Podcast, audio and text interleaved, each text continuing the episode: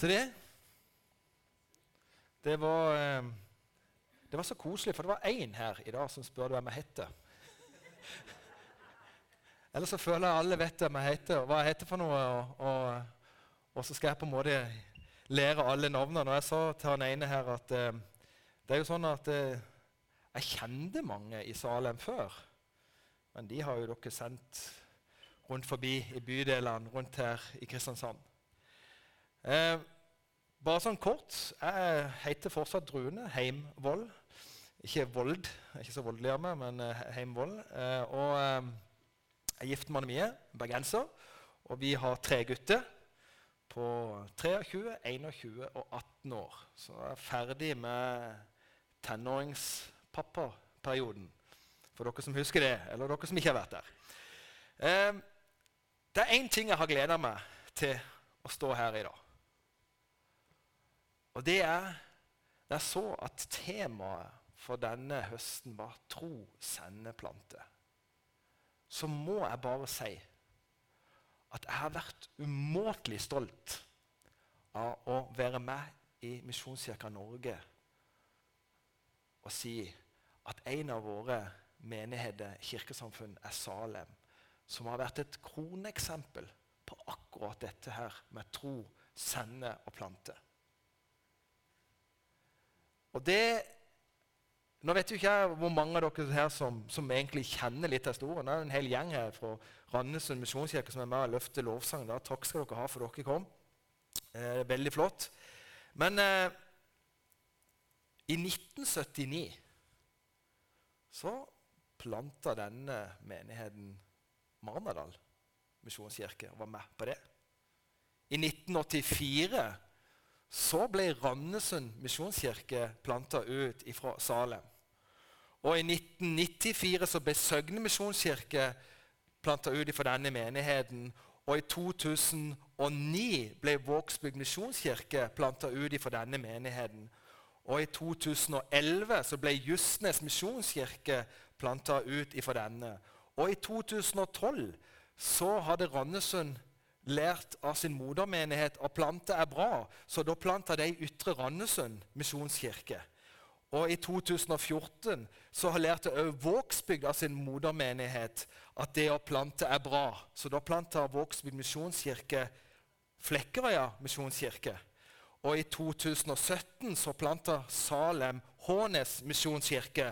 Og i 2019 så planter Salem igjen Hellemyr misjonskirke. Hvem her inne har vært med på alle plantningene? Jeg har så lyst til at dere skal reise dere. Jeg har så lyst. Kan ikke dere reise dere? Dere som har vært med i denne menigheten og opplevd disse tingene. Kan dere reise dere? Vær nå frimodig.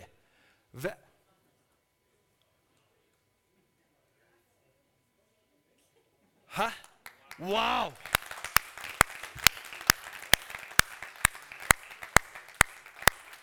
Jeg må bare si at det styrker min tro. Den trofastheten på å være så tro med så skal du få'. Dere har sendt ut gode venner, gode medarbeidere, gode folk som har vært med og løfta fellesskapet her. Og så har dere fått lov til å se at Guds rike er større enn min menighet. Vi bygger Guds rike. Og ut ifra dette, folkens, så samles mellom 1700 og 2000 mennesker seg til gudstjeneste hver eneste søndag. Det er bare wow. Hæ? Det er bare wow.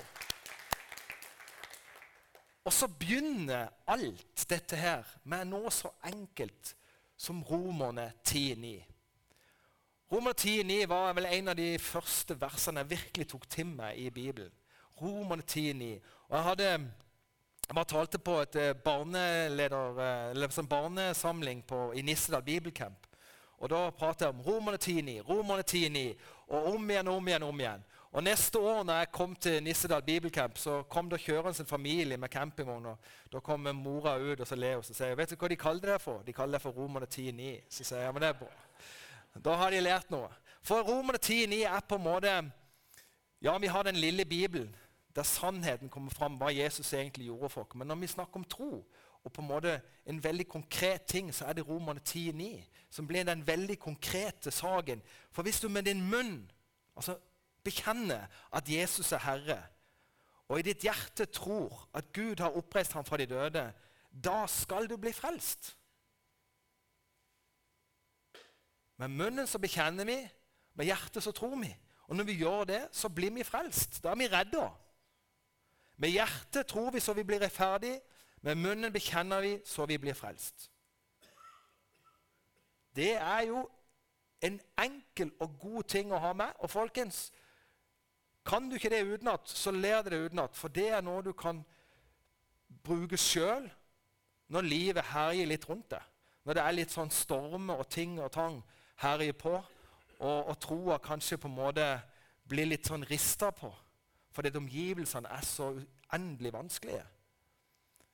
Og òg i møte med andre mennesker. Hva er det som skal til for å bli frelst? Jo, hvis du tror og bekjenner, så blir du frelst. Det, det, er mange folkens, i vårt land som har en tro å bekjenne. Og Jeg er ikke tilhenger sjøl av å bruke ord som ikke-kristen eller ufrelst. For det er ikke så lett å definere, og det lager kanskje sånn en A- og B-liga. Men folkens, det fins mye tro utenfor våre kirker. Og jeg tenker det er viktig at vi tenker på det overfor oss sjøl, hva det vi av og til bygger troa på. Og hva er det de der ute bygger troa på? Barnetro. Har dere tenkt på barnetro? Har dere hørt det noen ganger? Når sier nei, ja, men jeg har ei barnetro. Jeg har en kar eh, som hjelper oss. Han er så raus i, i Kvinesdal. Han låner vekk bygning og alt mulig. Og så sier han alltid 'Jeg har ei barnetro', sier han. Jeg har barnetro. Eller han sier det på kvinner. 'Jeg har barnetro'. Og så begynner jeg å pirke den barnetroa. Hva er det? Jo, det er det at de lærte dette enkle. Denne faren som satte seg ned og sa 'Kom til meg'. La alle barn komme til meg, og hindre dem ikke. For Guds rike hører de til. Og det der trygge, gode, den faren som jeg kan kjenne i dag, det må jeg ærlig innrømme. Alle er så spente på å høre han nye pastoren. Så tenker jeg, hvem er jeg, den lille bondegutten fra Lista som skal stå her? Da kjenner jeg at jeg har en far, en barnetro som jeg kan kjenne at jeg kan sette meg på Jesus sitt fang, og så stoler jeg på at han er med. Og jo mer jeg stoler på han, jo sterkere blir troa, og jo mer frimodige blir vi. Men hva er det med denne barnetroa som gjør at noen holder det litt på avstand? Jo, det er jo det enkle. Og så begynner livet å toge vei. og Så kommer tenårene, så kommer voksnetida, så kommer familie. Og så glemmer en hvor enkelt det er. Romerne 10,9. Vi glemmer det enkle. At hvis du tror og bekjenner, så er du frelst. Og så blir en forstørra av forskjellige ting. Og ikke minst så husker vi heltehistorien fra Bibelen. Han her David, altså. Hæ? Som på en måte ble så sinna når det sto en svær kjempe der og skrømte hele Guds folk. At han tok den, de steinene i den slynga og så sendte han på, og så vant han over den store Goliat. Eller Moses som sto med staven. Hæ? Wow! Og så bare delte havet seg. Det er helter. Og så kan en tenke Nei, jeg når ikke helt opp der. For vi glemmer hele historien. Og Bibelen er sannhet, folkens. Bibelen forteller om alt. Han forteller òg at Moses var en mann med temperament. Ja, Han var så sinna at han faktisk slo i hjel en person. Spørs om dere ville ha hatt meg da. Men Gud reiste han opp. Eller denne David som en blir så fascinert av. Som på en måte bare opplevde å få mer og mer tillit. Plutselig en dag sitter og kikker på nabokona. Og så faller han en gang med å få en affære. Og så faller han igjen med å prøve å skjule det som ender opp i at nabokona sin mann faktisk òg blir drept. Menneske som Gud kan bruke, med sine feil og med sine mangler. Jeg tror ofte at mennesket der ute har stoppa troa si akkurat der. Og blir litt som han røveren på korset, som ikke føler seg verdig nok til å ta imot frelsen. Men bekjenner likevel sin tro til Jesus med å si Kan du tenke på meg? Og så viser seg jo For Jesus var det godt nok. For det kommer ikke an på mine handlinger. Det kommer ikke an på dine handlinger. Det kommer an på Jesus. Ikke på grunn av, men på tross av kan jeg få lov til å stå her. Ikke på grunn av, men på tross av så vet jeg at når jeg tror og bekjenner, så er jeg frelst. Og da er jeg rettferdig, og da skal vi få lov til å være frimodige. Og Så har vi den andre som noen bygger på noen ganger, og som vi ofte bygger på sjøl òg. Det at vi har kanskje Kanskje dere kan huske den sangen? Jeg vet ikke, Nå er det mange her som kan huske sangen. Kanskje dere husker den sangen, men, men i forrige årtusen så sang vi en sang. Jeg har en engel som følger meg. Har dere sunget den? Hæ?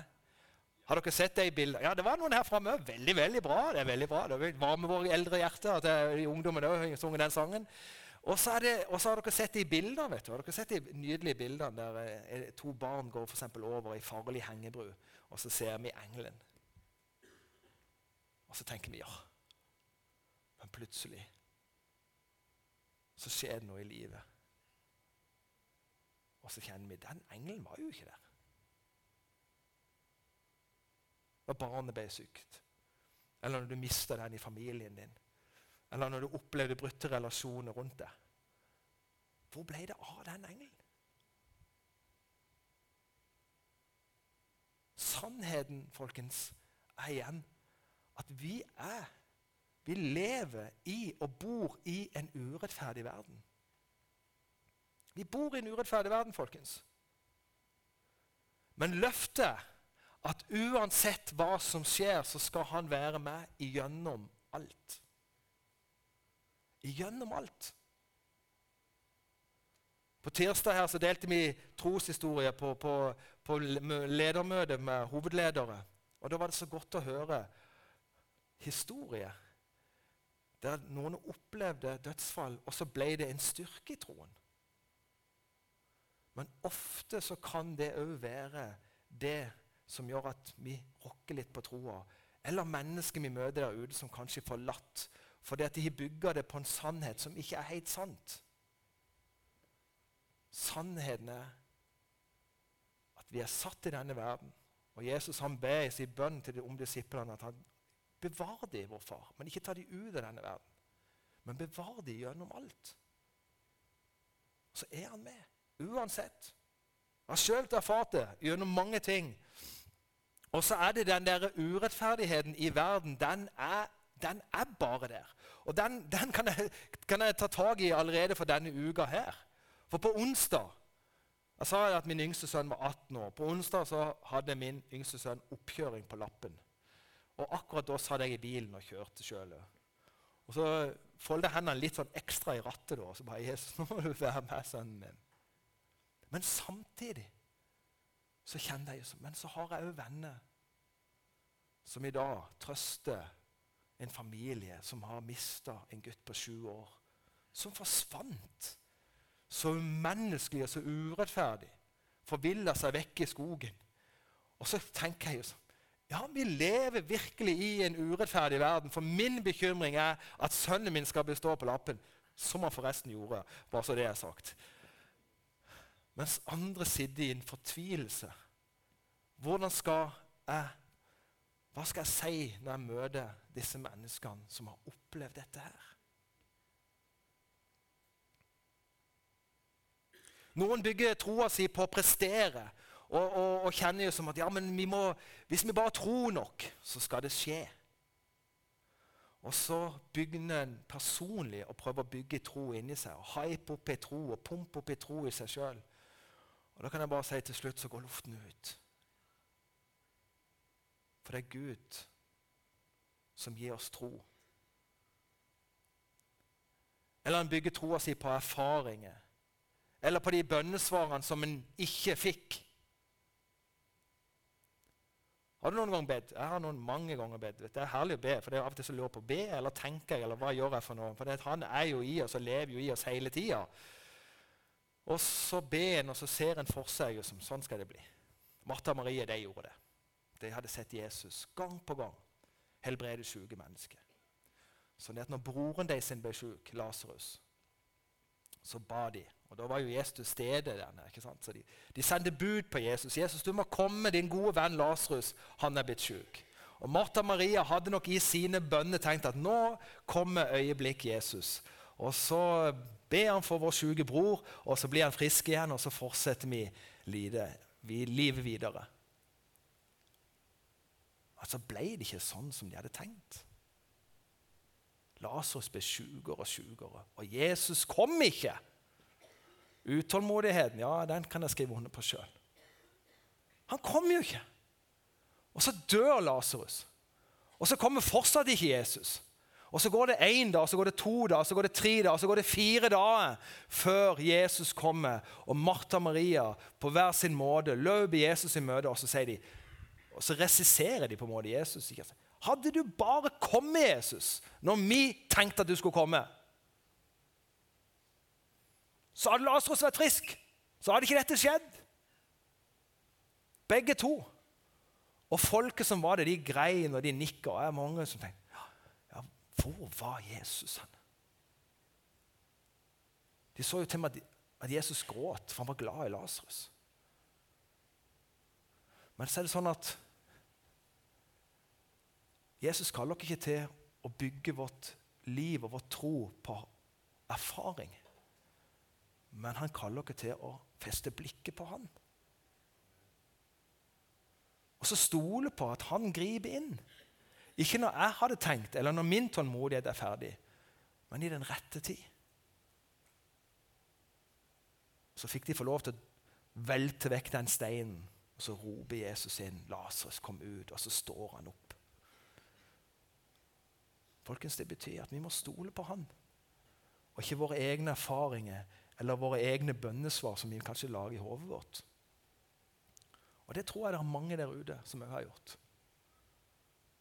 Jeg samtale med mennesker som virkelig har bedt og bedt, og så ble det ikke sånn som de hadde tenkt. Og så ga de litt opp. For sannheten, altså Guds ord, som på en måte viser forskjellige eksempler, folkens, ikke sant? det sier jo at og De bruker jo eksempel på såmannen. ikke sant? Vi sår. Noen er vannet, noen er høster. Men hvem er det som gir vekst? Jo, det er Gud. Det er Gud som gir vekst. Så når du sår noe inn i mennesket I dag er kanskje de beste til å så er de som gikk ut barnekirka. Hæ? De så Guds ord inn i de herlige, skjønne barna. Og så blir det noe som på en måte fester seg. Og så får vi lov til å være med og vanne på forskjellige måter. Og så får vi lov til å høste når de blir kjenne og blir voksne nok til å si som ja, nå er det ikke bare pga. at jeg gikk med foreldrene mine på Salem, men nå kjenner jeg at jeg kan bære min egen tro og si dette er noe jeg vil følge. Det er Gud som òg bruker mennesker rundt meg til å styrke min tro. Som jeg begynte her i begynnelsen. Jeg må bare si det, at det har virkelig styrka min tro. Og på trofasthet. Dere som har vært med og planta og gitt ut så mye. Så vi skal få lov til å styrke hverandre i troa. Men det er Gud som står for veksten. Det er Han som på en måte gir oss det vi trenger. Det er han som er ansvarlig for resultatene. Ikke sant? Ok, jeg har, Det er jo sånn som bonden gjør. ikke sant? Han så på våren, han eh, vanner hvis ikke eh, Gud sender regn, og så høster han. Men det som skjer imellom der, det, det har ikke han noe ansvar for. Det er Gud som er ansvarlig for veksten. Og det tror jeg folkens, at av og til så må vi la troa få lov til å hvile i det. Men hva skal vi gjøre da? Jo, vi skal vandre i de ferdiglagte gjerningene som Han har gjort klar for oss. Hver eneste dag så bugner det av muligheter hvis du ønsker å få lov til å så tro inn i mennesket, vanne tro inn i mennesket, og kanskje være den som sier Vet du Romerne 10,9, hva det står i Bibelen? Det er så herlig å fortelle det til mennesker som forteller. Og vi må bruke tid på mennesker når de begynner å fortelle. Jeg hadde en, vet du, han, han følte seg ikke verdig til å gå til nadvær. Men hver gang han var sammen med han prata bare om Jesus hele tida. Og da kunne han få lov til å fortelle men det, det er godt nok. Når du tror at Jesus døde og sto opp igjen, og når du bekjenner det, så er du frelst. Da skal vi få lov til å vandre i det. Gud gir veksten og troa og styrker troa vår. Hvem er det da som prøver å stjele det? For det står om han òg.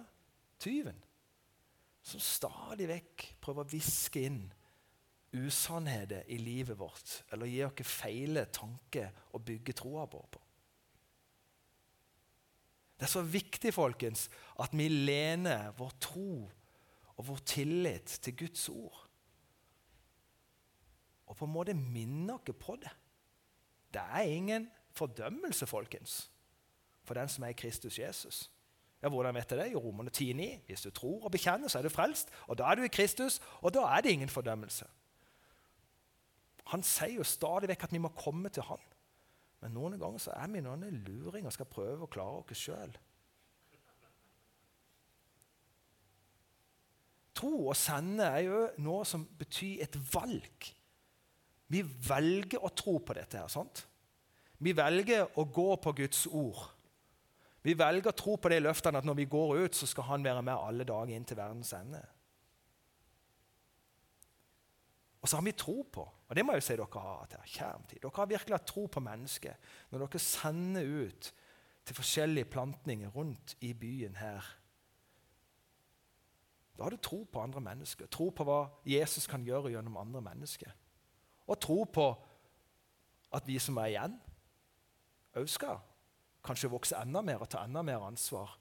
For det blir jo et, et tomrom etter de som har gått.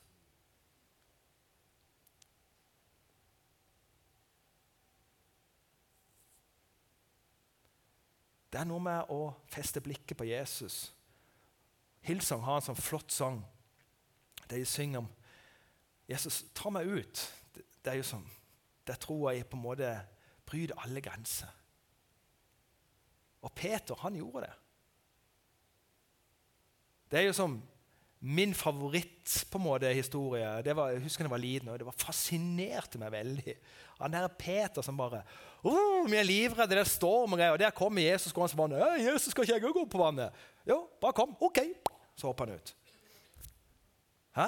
Han, han, hadde, han, hadde, en sånn barnslig tro på Jesus. Ja, Han hadde sine kommentarer, men han hadde sånn barn, han bare heiv seg på blikket på Jesus, for han valgte å gå på Jesus sitt ord. Og Så begynte han å, å tvile, han så på omgivelsene, og så begynte han å synke. Og nå, folkens, må, jeg, må, dere, må dere, prøve å tenke dere om. Nå er vi tilbake på disse bildene som er, er tegna av forskjellige historier i Bibelen. Hvor mange har sett et bilde av Peter som synker i vannet, og Jesus som tar tak i hånda. Og Jeg håper at det er derfor de gjorde det. For hva sa Jesus? 'Redd meg', sa Peter til Jesus. Og så straks så dro Jesus han opp. Hvor mange har sett det bildet av Jesus og Peter, der Peter synker og Jesus tar han opp igjen? Hvor mange har sett et sånt bilde? Og mange har sett et bilde der virkelig Peter går på vannet. Det er ikke så mange, hæ? Det er ikke mange av de bildene der, der du ser Peter virkelig gå på vannet. Og da blir jo sånn ja, blir jo da, å ja, ok, nei, men ikke gå ut på vannet, ikke, nei, for da kan du synke. Nei. Det som er så herlig, det er det at Peter festa blikket på Jesus. Og så gikk han ut på vannet. Og så var han menneske som meg og deg. Og så var stormen og omgivelsene vanskelig, og han tvilte. Og så begynte han å synke, og så ropte han, 'Redd meg, frels meg.' Og så står det så herlig. Straks så rekte Jesus hånda opp, ut. Reiste han opp, og så gikk de sammen tilbake i båten. Han gikk etterpå. Det er et liv med Jesus. Ja, så Peter tvilte, ja. Skal vi fokusere på at han falt, eller skal vi fokusere faktisk på at han gikk på vannet fordi han hadde blikket festa på Jesus?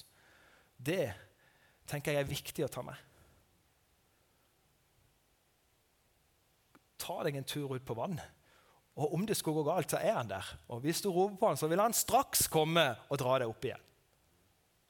Jeg liker å bruke tall. Jeg er veldig glad i tall. Vi menn forholder dere litt bedre til tall enn damer. Så beklager, dame, at jeg nå bruker et eksempel på tall. Men det er litt for at vi menn skal på en måte Det kan godt være dere damer òg. Henger du med? Dere er jo veldig gode på ord, damer. Det, det er vi litt dårligere. Sånn Ifølge den statistikken som er på sånne, sånne ting. Men i hvert fall det som er greia, det er at når jeg får rett til nadvær, så liker jeg ofte å, å bruke tall. For dette Nadvær er jo mange ting, men en av de tingene nadvær er, det er et bekjennelsesmåltid. Der du skal bekjenne din tro. Og hva er din tro akkurat i dag? Jeg tenker ikke på følelsene dine. For det kan jo være at de, hadde du følt følelsene dine, så hadde du ennå ligget i senga med en kopp kaffe. Det vet jeg ikke. Der er vi forskjellige.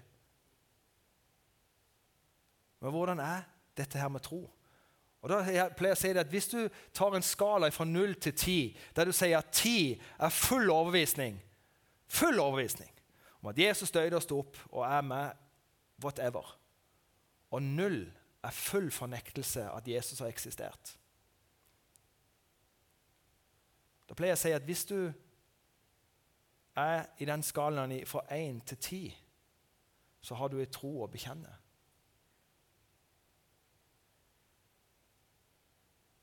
En tro som kanskje trenger å bli vanna, eller faktisk en tro som er moden for å si ja, jeg tror at Jesus døde og sto opp. Og jeg bekjenner det nå med min munn. Da er jeg frelst.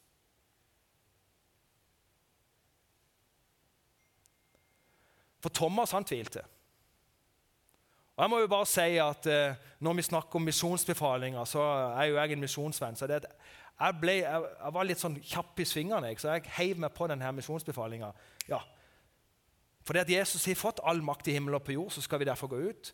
Og så gikk jeg ut. Og Første gang jeg gikk ut på misjonsmaker, sånn ut av dette landet og til Janland Misjonsmaker den finner vi jo i hverdagen alle veier, men første gang jeg på en måte reiste ut og kjente jo som at nå skal jeg lufte litt misjonæren òg med, så ble jeg sendt til Sudan av alle plasser. En veldig veldig vanskelig plass akkurat da. Og... Jeg skulle egentlig reise sammen med en annen og han skulle lære meg litt opp og hjelpe meg, men han forsvant jo og ble sjuk. Jeg sto plutselig alene i Sudan og tok et lokalfly til en landsby i Malaki. heter den, og Der gikk det ett fly i uka. Og Der sto jeg alene. Og de hadde ikke sett hvite folk på 30 år. Så eh, de var livredde for meg, de folkene som var tolker. Så de gjemte meg inne i en sånn bungalow hele dagen, og det var helt forferdelig å være der. Og jeg kan bare si å stole på Guds ord. og det gjorde Jeg Jeg las bare i Bibelen hele dagen. Det er ikke tull engang. Jeg las ifra sto opp om morgenen, for det var helt forferdelig. Og jeg lengta hjem ifra jeg, jeg landa på Khartoum, altså på, i hovedstaden i Sudan. Men så kom kvelden, og så hadde Jesus gjort klar noe der. Som jeg fikk lov til å være en del av. Et folkeslag som bare ei uke etterpå skulle bli ramma av krig. Og vi så krigen den siste dagen, bare rett over elva. Men hver kveld når vi kom på den stadion der, og det var to pinnestoler i stål, og det mangla sete i midten Det var det vi måtte bruke som scene for oss å komme litt over folkene og se. Så skal jeg love deg at ut ifra denne eh, bondegutten her, så bygde det seg i tro som var vanskelig for meg for å fortelle når jeg kom hjem. Der jeg fikk lov til å se mennesket løp fram og tok imot Jesus. En blind gutt fikk syn igjen, elleve år gammel. Og Det var en sånn en uvirkelighet. og Jeg husker enda når jeg satt meg på flyet hjem igjen. og jeg kan bare si det, Lufthansa på Cartoon, idet jeg gikk opp de trappene og kom inn i Lufthansa så Nå er jeg på vei vekk. Så var det en lettelse, men òg så vanskelig å tenke på hvordan skal jeg fortelle folk hva jeg egentlig har opplevd. For det blir litt vanskelig. Men troa mi ja, Hvis jeg skal snakke om en skala, så tror jeg må være på ti. Det var helt spesielt å kjenne hvordan Gud griper inn i våre liv og følger oss med tro når vi er villige til å gå ut.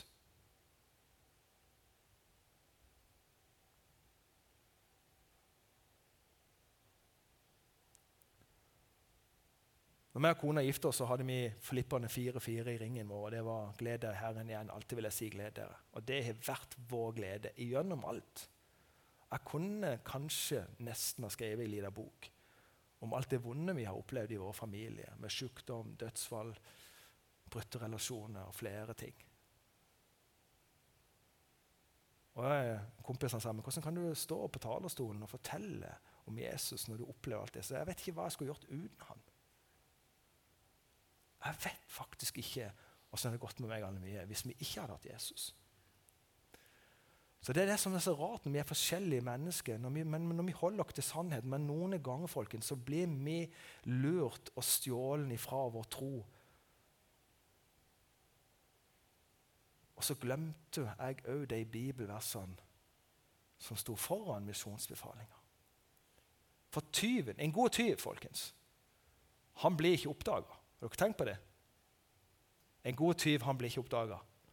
Og i mitt liv Jeg kan fortelle at jeg har stått der på en pinnestol og sett i Afrika sett mennesker danse og løpe fram og ta imot Jesus. Og du kjenner bare nå jeg bruker Jesus meg på en ting jeg overhodet ikke har kontroll over min egen kropp.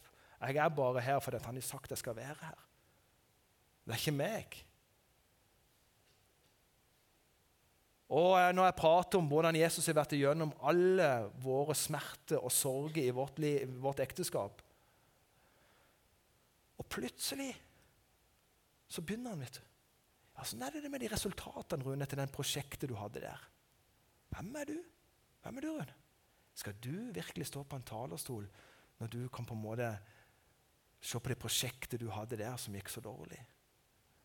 Så begynner han å, å stjele og stjele plutselig så tok tvilen tak i meg. Og så glemte jeg bibelverset før misjonsbefalinga. Har dere lest det? Husker dere det? Hva er det som står rett før misjonsbefalinga? Ja, nå tenker dere noe veldig. Matteus 28, 17. Og da de fikk se ham, falt de ned og tilbe ham. Men noen tvilte. Noen tvilte. Det er jo så lett å snakke om tro, og det er så lett å snakke om når du har opplevd å gå på vann og ting, nei, men hva snakker vi og hva gjør vi når tvilen herjer på oss? Kanskje pga. barnetro, kanskje pga. forskjellige omgivelser eller tanke. Eller vi bygger av og til vår tro på det som ikke er sannheten. Kanskje tyven har vært og, og hviska litt inn i det. Liksom. Så må vi dra oss tilbake til sannheten, og hele sannheten. Og hele sannheten er at Thomas tvilte. Og her står det at men noen tvilte. Men da er jo Da er det jo ikke skambelagt å bekjenne sin tvil, er det? For meg så ble det en sånn reise der han stjal det fra meg. Og jeg kjenner jo som hvem? Hvordan skal jeg fortelle om tvil? Hva skal jeg fortelle når jeg var inne i den perioden der bare tvilen bare tok tak i meg, og jeg kjente at tyven stjal mer og mer på en måte troa mi. Så jeg prøvde meg til en kompis som er forkynner. Så sa jeg jeg tviler. 'Å, gjør du det?' Ja, det vet jeg ikke. han var.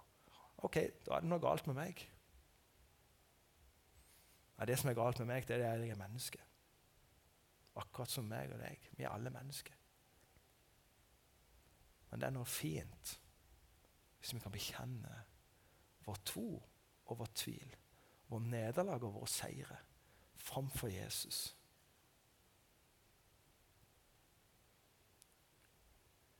Straks rakte han hånda ut når Peter tvilte og begynte å synke.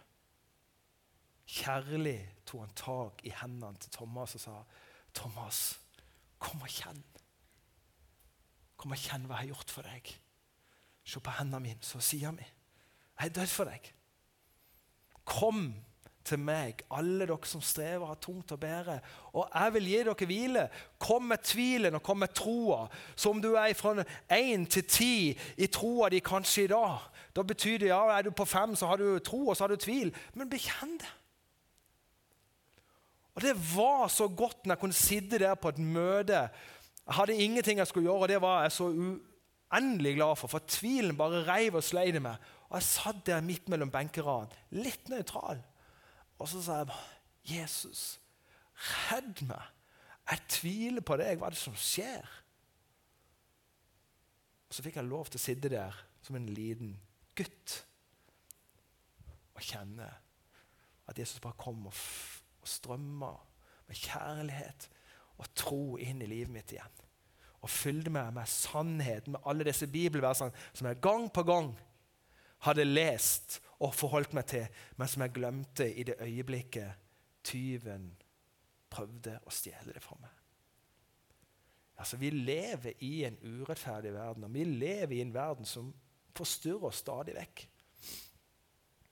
Men la oss holde tak i Bibelen, i sannheten, i Guds ord, som er full av mennesker med feil og mangler, men som Jesus stadig vekk reiser opp og setter de ut igjen til å gå ut i tjeneste og så og vanne og høste tro inn i andre mennesker. Kan vi få opp lovsangstime?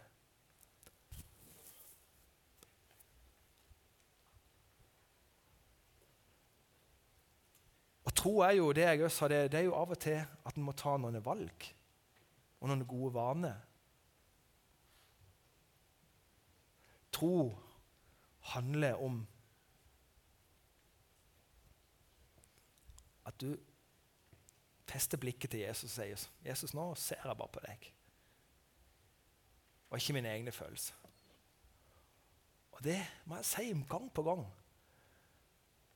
Så er det noen ting jeg ønsker når vi samles, og det er først og fremst Jeg vet ikke hvem du er. Jeg vet ikke hvor, hvor, hvor troa di er hen. Om du, om du, er der kanskje det at du kjenner at Jeg har jo trodd på Jesus i alle år, men, men uh, i dag var det en som på en måte ga meg et bibelvers som sier at hvis jeg bare bekjenner det, så er jeg frelst. Og det er så enkelt som det. Men det er jo en annen ting. Og det er at vi skal komme med alt til han. Og det kan være sykdom, det kan være din tvil, det kan være din nederlag. De kan du komme med til Jesus nå. Og Så har jeg lyst til å be i kort bønn, og så skal den herlige gjengen her synge etterpå. Så kan du få lov til bare å være hos Jesus. Og legge fram det som er sliter deg. Og han sier 'kom med alt'. Men før de gjør det, så har jeg bare lyst til sånn, en god bekjennelse for ditt eget liv. Hvis du kjenner at det er et eller annet i møtet i dag eller et eller annet i, i livet mitt den siste uka som bare kjenner dette er vanskelig, jeg trenger hjelp, Jesus. Eller kanskje det er at du for første gang nå bekjenner din tro. Eller at du sliter med sykdom eller at vonde tankekjør eller psykiske problemer. Hva det enn er. Jesus han har faktisk dødd for alt. Og han, han ber oss om å be for hverandre. Så da, nå, nå, kan du på en, måte, på en fin måte bare legge hånda på ditt eget hjerte. Det er en bekjennelse. Og så vil jeg be i bønn akkurat her nå. Kjære Jesus, jeg bare takker deg for det at du er her. Takk for deg for det at du handler ikke på mine følelser eller andre sine følelser. Du er konstant. Du har lovt i ditt ord at du skal være med oss, Herre. Og du ser at vi sitter eller står her nå, Jesus, foran deg. Du er vår far. Kom, Jesus, og ta våre bekymringer. Kom og ta våre sår. Kom og ta våre nederlag. Vi bekjenner vår tro til deg, og vi bekjenner vår tvil til deg. Og vi bekjenner Jesus at vi jo trenger hjelp og legedom og helbredelse for sykdom. Og så ber vi i Jesu navn, det navnet over alle andre navn, at du skal komme og gripe inn som bare du kan. Jesus. Amen.